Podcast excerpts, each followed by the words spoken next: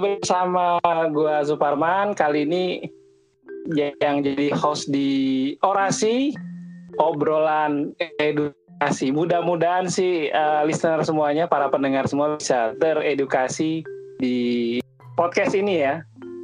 Kali ini saya sendirian bersama dengan Novel Baswedan. Oh bukan, Novel Raka.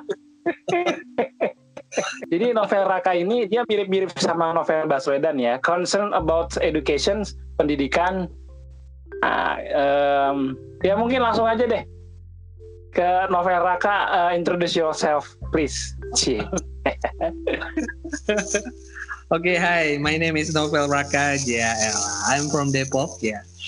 Uh, kayaknya kalau disebut concern banget enggak ya. Ini uh, apa ya lebih tepatnya seperti kayak peduli aja gitu. Kalau concern kayaknya belum sepenuhnya gue concern 100% di pendidikan. Tapi kalau peduli iya, oh, ya karena nggak karena posisinya uh, kerjaan gue di sini gitu kan di dunia pendidikan. Jadi kalau gue nggak peduli ya sama aja gue nggak peduli dengan kerjaan gue gitu kan. Itu sih. Jadi oh. Okay. Okay. Ya kalau tarafnya sampai ke concern sih kayaknya gue bukan sampai belum sampai ke situ gitu kan. Ya ke depannya ketika melihat kita bisa bergerak gitu ya melakukan satu movement untuk perbaikan pendidikan yang ada di negeri kita kenapa enggak gitu kan? Walaupun Wih, uh, okay, okay. aduh gila ya gue besoknya jadi menteri kali ya. Masih belum oke okay, nah, nah, ya. Belum lebih dalam mau coba batasi dulu obrolan kita hari ini ya karena uh, waktunya juga terbatas. Jadi kita bahas soal yang lagi in yang lagi happening uh, yang lagi apa sih yang lagi viral gitu? Yang concern soal pendidikan ini gitu. Bingung banyak banget sih kalau ngomongin soal pendidikan ya. Apalagi kalau sudah mengupas tentang kurikulum itu sangat sangat sangat banyak gitu kan. Tapi mungkin yang perlu kita lihat saat ini adalah tren uh, tentang zonasi. Pendaftaran siswa baru zon, uh, lewat jalur zonasi. Ya itu menurut gua perlu juga kita uh, kritisi gitu ya uh, impact yang terjadi di Indonesia karena ini luar biasa menarik menurut gua. Uh, pemerintah ini punya satu tujuan yang sangat baik ketika dia men menelurkan kebijakan zonasi di sistem penerimaan siswa baru. Ya. Pemerintah tuh ayam Kasuari itu. Jadi, jadi, jadi. ya jadi uh, pada saat uh, kebijakan itu keluar, tujuannya tuh kita uh, sebenarnya kita semua bisa melihat tujuannya ke arah yang baik, yaitu uh, pengen ada pemerataan di pendidikan di sekolah-sekolah negeri yang ada di kota-kota atau yang ada di seluruh Indonesia gitu kan.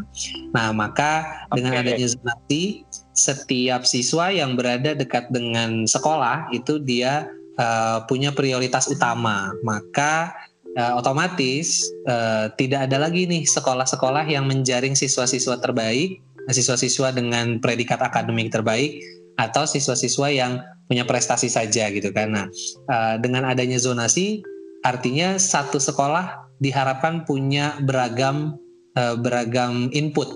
Nah yang endingnya nanti setiap sekolah akan punya sistem yang sama, punya perlakuan yang sama terhadap siswanya sehingga tidak ada lagi sekolah favorit, tidak ada lagi sekolah oh di sekolah sini anak-anak pinter, loh di sekolah sini anak-anak yang biasa aja gitu atau di sekolah ini yang di ujung ternyata isinya juga yang predikatnya di ujung bawah gitu.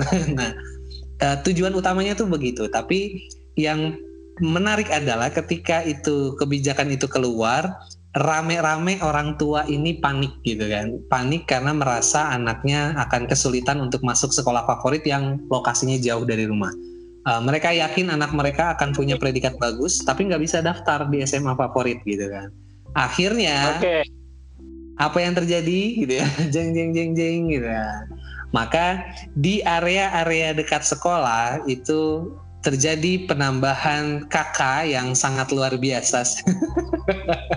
Jadi berbondong-bondong orang pindah rumah gitu ya. Untuk bisa mendapatkan ya, ya, ya, ya. tersebut. Itu yang yang rame sih itu gitu. Yang menurut menurut gue itu kok lucu ya. kok lucu ya. yang akhirnya tapi di satu sisi ini bisa menjadi peluang juga untuk sekolah-sekolah swasta uh, yang punya kualitas bagus gitu ya jadi sekolah-sekolah swasta nih macam sekolah gue yang kualitasnya uh, high class gitu ya sombong gitu yeah, ya. high class ya jadi masuknya aja luar biasa di sini gitu kan nah ini uh, akhirnya bisa menjadi satu referensi uh, referensi ke orang tua siswa kalau uh, swasta bukanlah sekolah buangan juga gitu loh bukan sekolah second uh, second opinion setelah mereka didepak dari penerimaan sekolah negeri. Karena selama ini yang gue alami adalah uh, banyak orang tua yang awalnya itu masuk ke kita uh, cuman sebagai cadangan nih kalau nggak keterima di negeri gitu. Itu gue sampai mikir oh, oh gila ya padahal kita nggak comparable gitu kan antara sekolah negeri dan swasta baik dari sisi fasilitas dan layanan kita nggak bisa di compare gitu kan. Pertama karena memang uh, ya manajemennya berbeda itu aja sih intinya. Nah, tidak ada sekolah okay. yang bagus nggak bagus ya, bukan berarti ya. sekolah itu nggak bagus ya. intinya sih di situ. Itu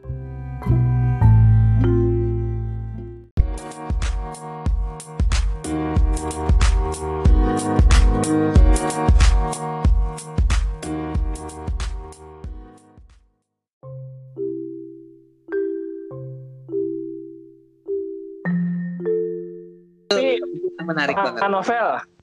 Yo. Ya. Ya menarik banget. Tapi ini juga kayaknya diiringi juga dengan apa namanya bukan cuma siswanya ya, tapi efeknya juga ternyata ke guru juga nih yang ada program namanya PKP Peningkatan Kompetensi Pembelajaran Berbasis Zonasi. Wah, nah, ternyata dicari uh, oh itu kepanjangannya. isunya, isunya guru-guru itu pada akhirnya nanti akan uh, ya nggak jauh-jauh juga gitu ngikutin siswanya gurunya tinggal di mana ya dia ngajar di situ gitu. Nah menurut lu kira-kira gimana tuh? Ya balik lagi ke tujuan utamanya. Uh, gue yakin banget pemerintah punya kebijakan ini dia pasti punya tujuan yang mm, sangat baik gitu ya untuk Indonesia. Tapi uh, sebenarnya yang perlu kita kritisi ini adalah reaksi masyarakatnya gitu kan. Reaksi rakyat Indonesia atau rakyat kota Depok lah secara uh, gue tinggal di sini gitu kan. Melihat itu tuh justru malah menjadi kayak membuka peluang baru untuk eh, trik-trik lain gimana caranya supaya tetap berada di zona nyaman gitu kan. Karena pasti mereka ada di kondisi sekarang nih uh, ketika ada kebijakan baru mereka pasti kan nggak nyaman nih. Wah gila gue bakal dipindah nih. Jangan sampai gue dipindah ke sekolah yang itu tuh yang di ujung tuh yang aduh gedungnya aja belum jadi gitu kan. Nah apalagi misalkan ngomongin fasilitas yang lain gedungnya aja belum selesai. Nah yang kayak gitu-gitu nih yang bakal bakal rame di kalangan guru-guru ketika ada uh, apa tuh isu bukan gak isu sih ya ketika ada uh, kebijakan tentang zonasi untuk guru-guru itu sendiri. Nah makanya uh, mungkin yang perlu kita apa ya kita perlu melakukan sesuatu terkait dengan reaksi guru-guru dan siswa dan orang tua siswa ini nih gimana apa yang harus kita lakukan gitu Ya, ya, ya, ya, ya, memang begitu ya. Balik lagi ke orang tua nanti ya, gimana dia ambil sikap, anaknya seperti apa. Tapi sebenarnya pengaruh nggak sih dengan masalah? Nggak maksudnya gini, masalah nggak sih ketika kita memaksakan, ah, anak ini harus uh, lokasi dengan ini gitu kan? Jadi kayaknya jarak apa namanya? Bukan jarak tempuh ya, jarak tempuh mah ini. Daya jelajah anak itu nanti akan mempengaruhi nggak sih? Daya apanya nih? Iya daya jelajahnya gitu loh. Kalau misalnya cuma di situ aja gitu kan, SD di situ, SMP di situ, SMA di situ kan, enggak kayaknya gimana gitu? Kayaknya nggak ke mana-mana ya? Iya nggak ke mana-mana. Ya meskipun kan era udah digital ya, lu mau ke mana juga tinggal searching segala macem. Dan maksudnya kan experience di lapangannya itu gimana gitu? tapi memang uh, sebenarnya menurut gua uh, generasi kita juga sudah mulai ada pergeseran terkait dengan sekolah yang jauh-jauh. Dulu waktu gue dari SMP mau nyari SMA itu uh, gue nyarinya tuh lokasi rumah gue ini di Depok nih. Gue nyari sampai ke Jakarta Utara. Bayangin coba. Itu uh, yang sampai gue pikirkan oh gue keterima di sini nih berarti gue mikirin ongkos gue berapa tiap hari pulang pergi Jakarta Utara Depok itu kira-kira menghabiskan berapa lama waktunya nah dan capeknya kayak gimana itu dulu gue sampai daya jelajahnya sampai ke situ tapi memang generasi sekarang yang gue lihat nih uh, orang tuanya sendiri sudah memberikan sebuah uh, apa ya bukan statement sih. Jadi eh, orang tuanya itu sudah punya sikap kalau udahlah sekolah jangan jauh-jauh gitu kan. Nah itu yang akhirnya bahkan di sekolah swasta sendiri ini kan eh, apa yayasan gue sendiri punya punya unit yang dari preschool, SD, SMP dan rencananya akan ada SMA tahun ajaran baru. Nah eh, itu isinya adalah orang-orang lama gitu kan, orang-orang yang memang sudah uh, dulu udah uh, udah SD-nya di sini, SMP-nya di sini juga, SMA-nya di sini juga karena uh, orang tua juga berpikir uh, ngapain sih jauh-jauh? Gue nganterinnya kan juga cukup sekali aja nih adik kakak semuanya ada di sini gitu kan. Jadi nggak perlu pindah-pindah ribet gitu kan. Karena itu lagi gitu. Atau sekalian aja ya, sekalian aja homeschooling gitu. Nah, makanya uh, sekarang ini juga banyak banget uh, yang akhirnya gue menemukan beberapa siswa atau beberapa anak yang dia tidak bisa uh, apa ya tidak bisa punya kesulitan dalam bersosialisasi akhirnya pilihan orang tuanya adalah dengan itu tadi gitu kan homeschooling. Ya homeschooling adalah salah satu solusi ya. Uh, gua nggak bisa bilang homeschooling itu bagus atau tidak, tapi itu salah satu solusi untuk menangani kondisi anaknya yang mungkin memang tidak bisa belajar secara klasikal. Tapi memang itu perlu peninjauan lebih jauh tidak serta merta kayak misalnya anak nggak doyan sayur ya udah dikasih daging aja terus gitu kan ya enggak lah Uh, tentu harus ada uh, apa ya peninjauan lebih jauh lagi. Ini apakah benar uh, homeschooling ini langkah paling tepat untuk anak kita sebenarnya. Nah, ya yang akhirnya yang gue sikapi benar pengaruh nggak sih dengan daya jelajah? Ya jelas pengaruh. Cuman masalahnya anak-anak generasi yang sekarang sudah terbiasa untuk dalam lingkup yang kecil-kecil aja gitu kan. Rata-rata anak-anak zaman sekarang nih yang orang tuanya menengah ke atas, mereka kalau keluar rumah itu kalau nggak jauh sekalian, biasanya ya areanya di sekitar rumah gitu kan. Uh, jauh sekalian tuh artinya mereka akan pergi dengan orang tuanya naik mobil jauh gitu. Nih rata-rata siswa gue kalau setiap Sabtu Minggu itu mereka perginya dari Depok nih perginya kalau nggak ke arah Bogor jauh banget. Terus ke arah uh, Bekasi nih jauh banget gitu ya. Arahnya Jakarta gitu. Bahkan sampai ada yang cuma nonton doang dia harus ke GI gue bingung juga lu ngapain rumah di Depok nonton di GI naik mobil kena macet gitu kan? Ya iyalah gitu kan. Hari Sabtu cuy gila ya ke GI lu harus melewati jalur-jalur yang sangat padat gitu kan bawa mobil. Tapi nah, kalau nggak gitu mereka nggak tahu ya. Kenapa? Kalau nggak gitu mereka nggak tahu ya mereka juga nggak tahu akhirnya. Tapi uh, itulah yang akhirnya jadi peluang buat uh, para developer. Ini kita jadi ngomongin ekonomi makro ya para developer uh, mall gitu kan. Mereka ak akhirnya melihat itu peluang tersebut ketika ada keluarga-keluarga uh, golongan menengah ke atas yang liburannya selalu ke Jakarta mereka bikin mall-mall di sini semakin memanjakan. Di Depok itu mallnya banyak banget. Dari kelas paling bawah sampai kelas paling atas itu ada dari yang uh, lu mau nyari H&M ada di sini di Depok gitu ya. Lu mau nyari yang paling murah yang bisa ditawar menawar ada ITC di sini, ada DTC ya, ada Depok uh, Depok Trade Center, ada Detos gitu kan. Artinya uh, itu bisa menja sudah menjadi tempat wisata orang-orang di sini setiap akhir pekan. Ya akhirnya balik lagi daya jelajah mereka semakin sempit juga gitu atau tetap sempit karena memang dari kecil larinya ya ke mall-mall juga ke situ-situ aja gitu. Ini menarik nih Fel. Jadi uh, gue sempat buka apa interviewnya. Mungkin lu pernah lihat juga ya Pijaru ya? Tau gak sih? Ini agak pada sebenarnya nggak disponsorin sih. Kan anak menarik aja.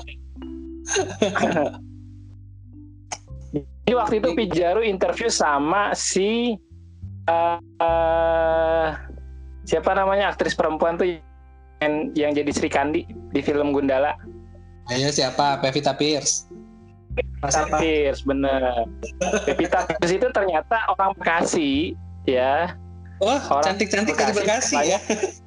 iya, Bekasi sekolahnya di Al Azhar tadinya sebelum dia pindah.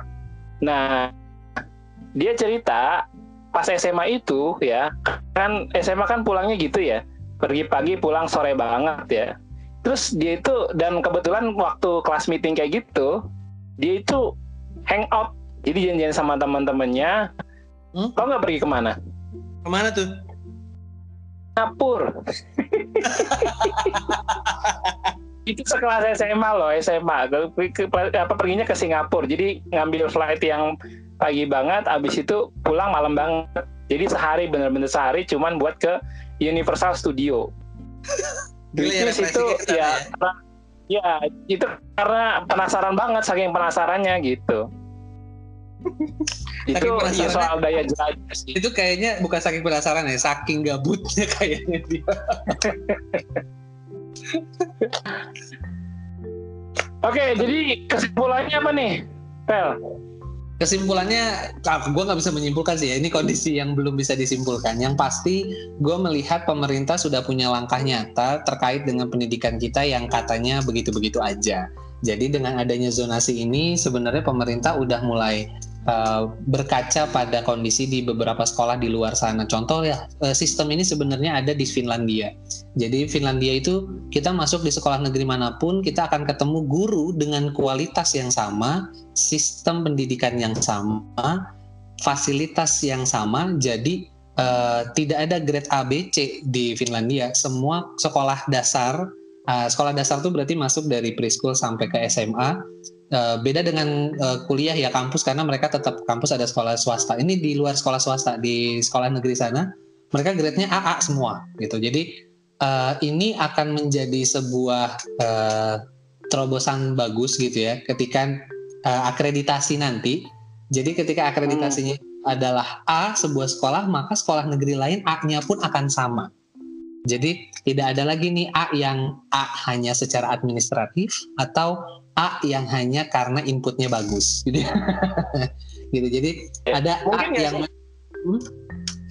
apa aja ke, ke arah sana uh, kita ya. percayalah gitu ya percaya ya perubahan itu akan menyakitkan gitu kan untuk beberapa aspek uh, pasti ada dampak yang sangat uh, terasa nggak nyaman gitu kan tapi selagi kita punya satu fokus visi yang sama uh, menurut gua kita bakal bisa dapetin hal yang positif juga Masalahnya adalah ketika visi ini tidak tersosialisasi dengan baik. Nah, dampaknya ya kayak orang tua tadi sama guru-guru yang ikut PKP tadi gitu kan. Uh, apa tujuan pemerintah adanya zonasi ini sosialisasinya tidak diterima dengan baik oleh orang tua. Orang tua malah melihat ini semacam uh, keterbatasan. Jadi kayak waduh pemerintah jadi membuat tambah sulit gitu kan. Ini beberapa tanggapan orang tua. Padahal sebenarnya artinya ya udah lu daftar aja di sekolah dekat rumah gitu kan. Tapi mereka jadi berpikir ah tapi kan sekolah dekat rumah itu begitu kualitasnya gitu loh. Padahal uh, iya ini mereka masa transisi angkatan-angkatan sekarang di sekolah akan mengalami hal-hal pahit dulu nih gitu kan. Sebelum sampai nanti kebijakan ini jadinya ajak. Sebenarnya yang jadi pertanyaan adalah apakah kebijakan ini akan tetap ada di tahun-tahun berikutnya atau akan berubah lagi sesuai dengan pergantian menterinya? Ini yang jadi masalah sebenarnya. Ah, besok tuh ya, besok. besok Kita tunggu kan, ya. Kapan ya pelantikannya ya? ya? Apa namanya? Pelantikan presiden dan pengumuman kabinet. Maybe Kapan? itu juga bisa jadi next episode kita ya. Nanti mungkin bincang-bincang soal apa namanya pelantikan Betul. kita boleh lah berbicara tentang pelantikan itu, tapi gue nggak mau terlalu berbau politik ya. Cuma maksudnya lebih kayak hmm, kita lebih kita yang lebih bahas kita uh, apa namanya uh, apa namanya podcast ini kan uh, tujuannya buat mengedukasi ya, artinya memberikan betul. informasi yang uh, bisa nanti membuat apa namanya di bahan keputusan pertimbangan keputusan buat uh, para pendengar semua kira-kira begitu. Oke, okay, thank you banget Pak Novel atas waktunya. Gue juga apa uh, kayaknya lu juga mau pergi mau ke suatu tempat. Iya iya ya. sorry sorry.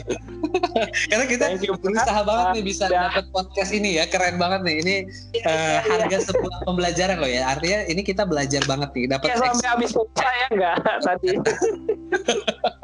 dari kapan nih kita tadi? Dari zuhur deh kayaknya. Abah dan zuhur tuh ya udah nyoba ini gila ya. Iya iya. Thank you thank you thank you banget. Udah jadi apa namanya uh, narasumber